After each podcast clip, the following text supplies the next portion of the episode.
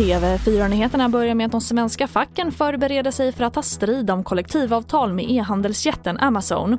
Och det är för att skydda svenska anställda från de kritiserade arbetsvillkor på företagets lager som det har rapporterats om i andra länder.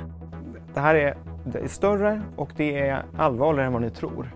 De här arbetsvillkoren har inte vi sett på väldigt länge i Sverige och i andra delar av Europa. Alltså att det, att det kommer ett, ett så stort hundratals ambulanser till en arbetsplats, att folk blir övervakade.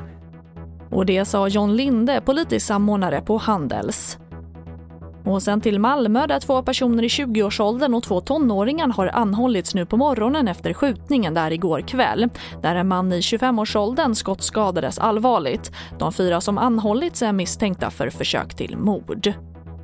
Och vi avslutar med att svenska anstalter och häkten fylls betydligt snabbare än kriminalvården räknat med. Så nu byggs så kallade modulhus i rekordfart innanför staketet på flera olika öppna anstalter i Sverige och skapar ytterligare 187 platser, det rapporterar SVT. Idag finns 4 920 platser och av dessa används 4 916. Och det var det senaste med TV4 Nyheterna. Jag heter Charlotte Hemgren.